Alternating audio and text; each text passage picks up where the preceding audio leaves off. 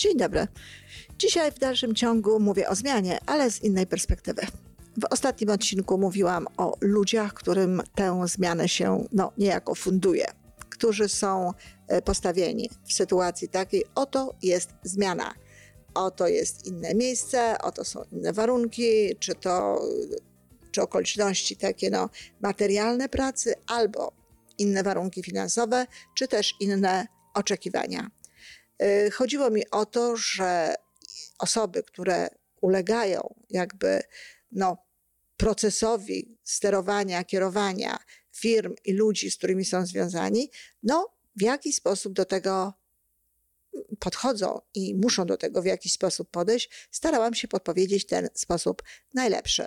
Dziś chcę mówić o zmianoczyńcach niejako, o kreatorach zmiany, czyli o tych osobach, które te zmiany wprowadzają. Obojętnie, czy wprowadzają je sami jako właściciele firm, czy jako e, szefowie działów, oddziałów, menedżerowie, e, czy zatrudniają do tego e, osoby z zewnątrz, ale no, podpisują się pod tą zmianą, chcą tej zmiany, uważają tę zmianę za istotną. Dzisiaj będę mówiła o ludziach, ma, którzy mają no, zdecydowanie większy wpływ na to, jak ta zmiana będzie wyglądała i jaki ona będzie miała kształt. Oczywiście, jak to jest zawsze, największy wpływ e, mają ludzie na to, co myślą i co robią sami.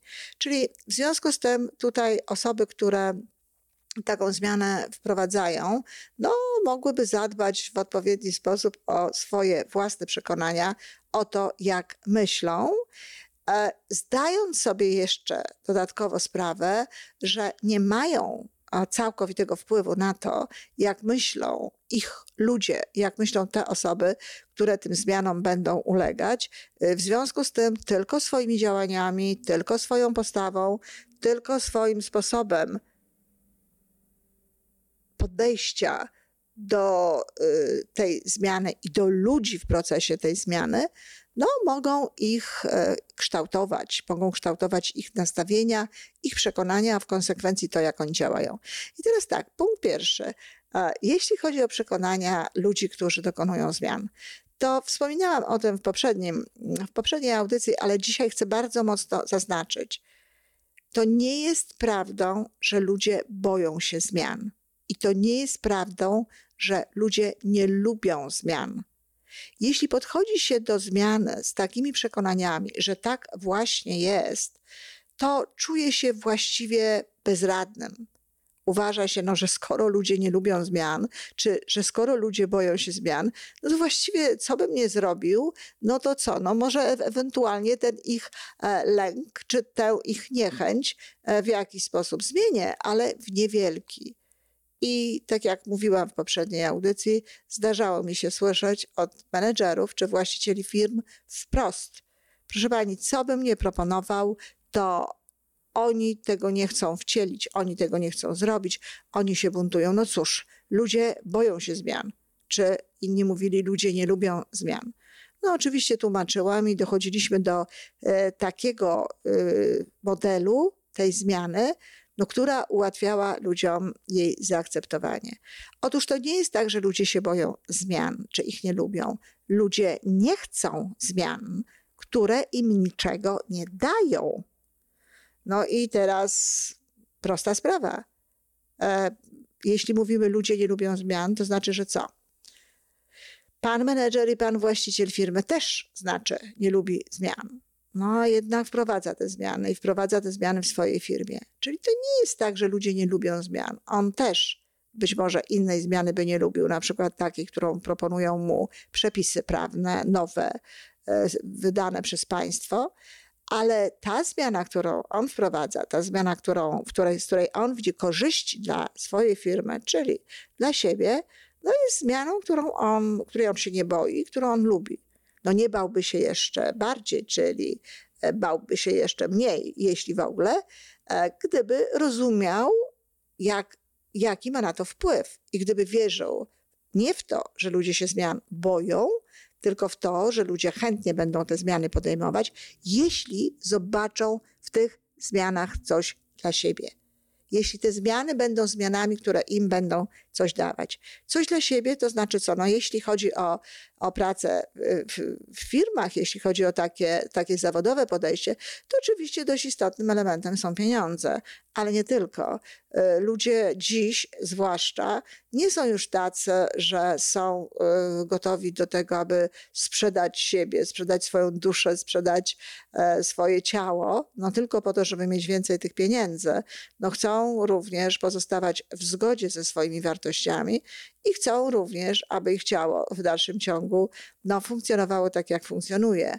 Czyli to nie jest e, tak, że dla pieniędzy zrobią wszystko to też jest coś, co chyba nie wszyscy zdają sobie z tego sprawę, że tak właśnie jest.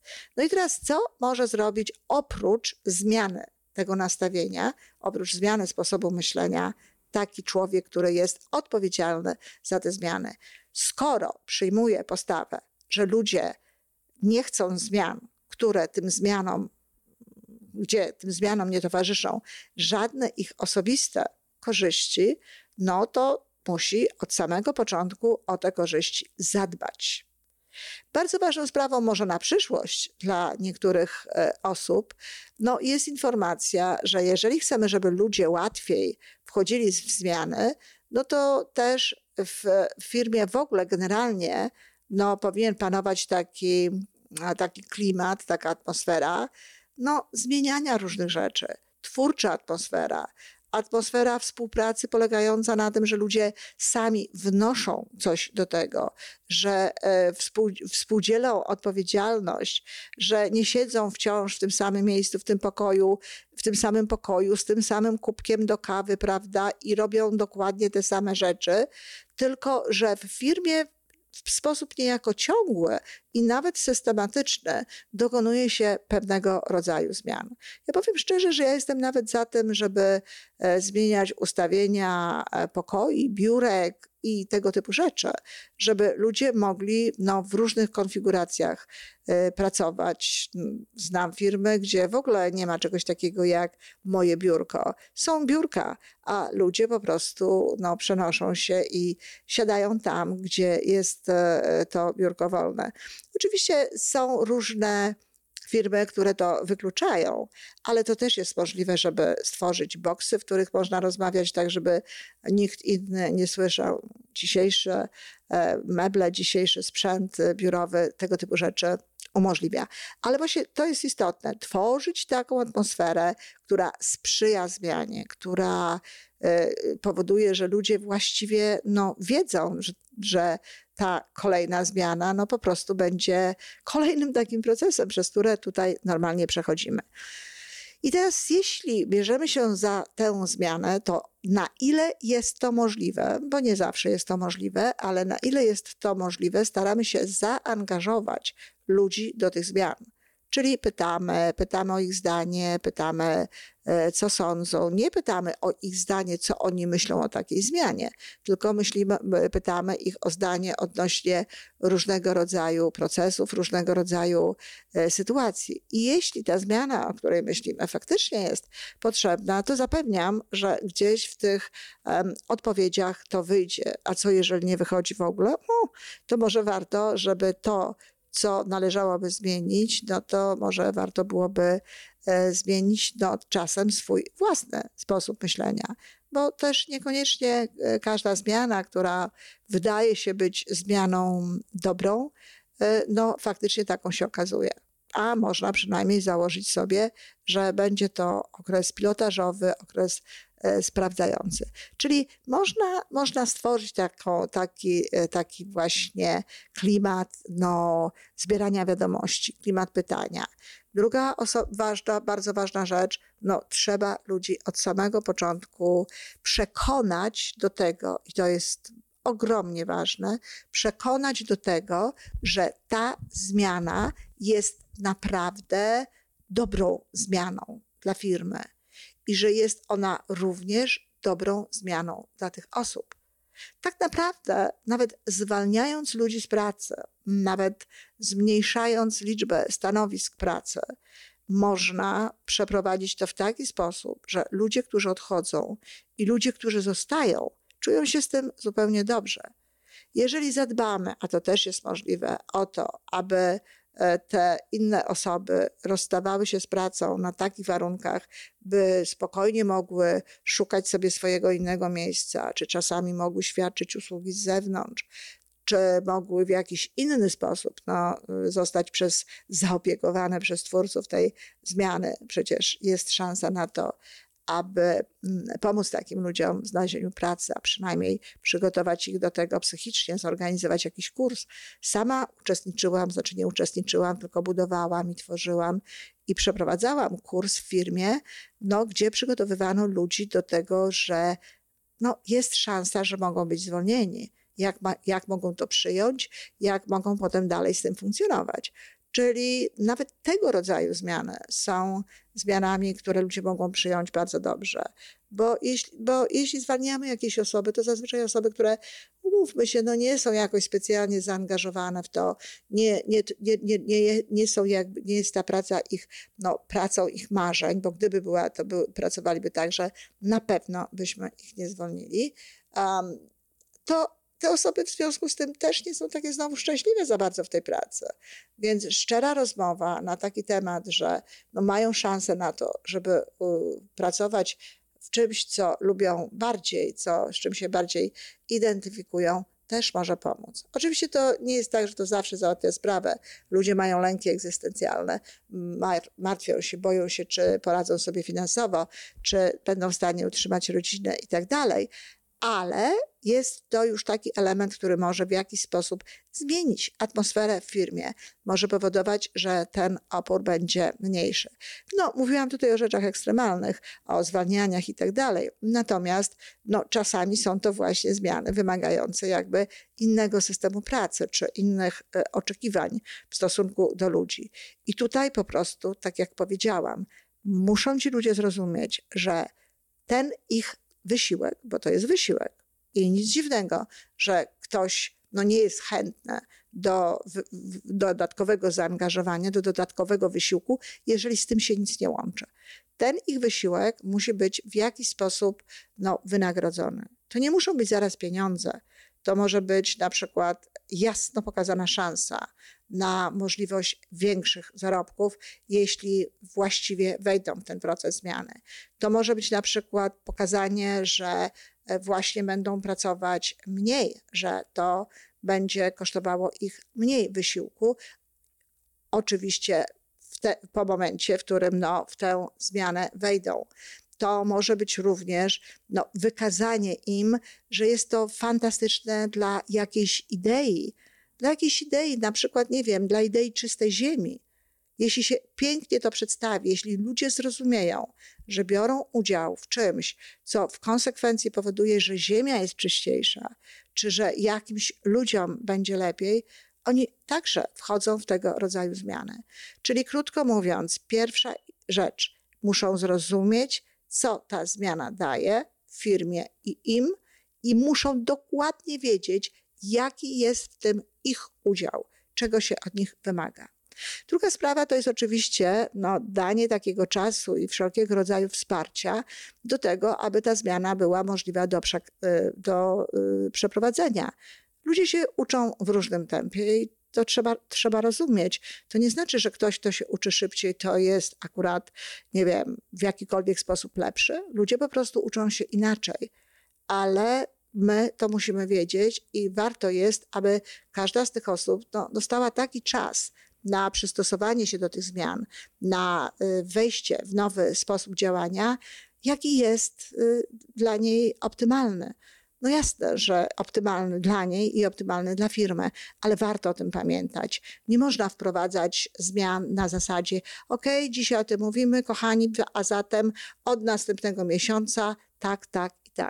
No to są rzeczy, które znowu nie powodują żadnych lęków ale powodują to, że ludzie nie chcą tego robić i również powodują to, że owszem, mogą czuć niechęć do osób, które tę zmianę wprowadzają. Warto jest wiedzieć o tym, dobrze, żeby wiedzieli o tym wszelkiego rodzaju szefowie wprowadzający zmianę, liderzy, przywódcy, że jeśli wiemy o tym, że zmiana wymaga jednak wysiłek, wysiłku, że może to być zmiana, która ludzi specjalnie nie ucieszy, to trzeba rozmawiać z każdą osobą oddzielnie, z każdą osobą, której te zmiany dotyczą. Trzeba y, tłumaczyć to indywidualnie, z pełnym szacunkiem, nie przy biurku ty z jednej strony, ja z drugiej strony, tylko gdzieś, y, gdzie siedzimy obok siebie, czy nawet stoimy obok siebie, ale trzeba po prostu robić to indywidualnie. Natomiast jeśli zmiana jest taką zmianą, która no, niesie sporo dobrego i może nieść coś dobrego, wówczas można ją ogłaszać e, no, jakby tak e, większej grupie. Wtedy jest szansa, że ten, e, to, ta poparcie dla tej zmiany, to zrozumienie, ten, ten entuzjazm no, zwyciężą w tym wypadku. Dobrze jest wiedzieć, kto jest liderem nieformalnym e, w różnego rodzaju e, grupach. Wiadomo, że są takie osoby. E, wiadomo, że są związki zawodowe, więc czasami są to również bardzo istotne mm, organy, informacje, z którymi trzeba na ten temat rozmawiać i trzeba rozmawiać odpowiednio wcześniej, tak aby zaangażować ich do, do współpracy w tym temacie, ale też w firmach, w działach są osoby, które są takimi no, przywódcami właśnie nieformalnymi, bez etatu, ale wiadomo, że ludzie się z nimi liczą. I to na pewno są takie osoby, z którymi warto jest o tych zmianach rozmawiać w pierwszej kolejności. I teraz, żeby była jasność, tu nie chodzi o przekopywanie, tu nie chodzi o, o to, aby tym osobom się to opłacało, ale chodzi o to, aby w taki sposób z nimi rozmawiać. No oczywiście, że opłacać im się musi, ale to już żeśmy rozmawiali wcześniej o tym. Ale taki sposób z nimi rozmawiać, żeby oni autentycznie rozumieli potrzebę tej zmiany i żeby czuli się tutaj osobami, które no, zachęcamy i chcemy zaangażować właśnie do współpracy e, w kierunku e, no, robienia tej zmiany. Mówi się bardzo często o psychologii zmiany. Nie ma psychologii zmiany. Oczywiście można opisać różnego rodzaju etapy, że ten etap będzie taki, taki, taki. I ludzie to robią, i ludzie to opisują. E, mówi się o tym, że oczywiście tutaj z jednej strony są te siły, które tę zmianę chcą sprowadzić, a z drugiej strony jest ten opór e, e, tych, którzy tej zmiany wprowadzać nie chcą. No tak, tylko co to daje, co to wyjaśnia? Jest psychologia ludzi w zależności od tego, jak zachowują się osoby, które wprowadzają tę zmianę, w jaki sposób podchodzą do ludzi, ile jest w tym szacunku, ile jest w tym prawdy, ile jest w tym autentycznego zaangażowania we wspólne dobro, ile jest tym zrozumienia tego drugiego człowieka i zrozumienia właśnie tego, że to nie jego lęk przed jak, jakiś abstrakcyjny lęk przed abstrakcyjną zmianą, ani jego niechęć do zmian w ogóle jest tutaj przyczyną tego, że te zmiany nie zawsze łatwo jest wprowadzić, ale po prostu najnormalniej w świecie to, że ktoś nie chce robić czegoś, z czego niczego nie ma. Czyli koncentrować się trzeba i na tym powinni koncentrować się przywódcy, na tym powinni koncentrować się liderzy, jak pokazać ludziom, że ta zmiana coś im da i ma im to rzeczywiście dać. Nie chodzi tu o manipulacje.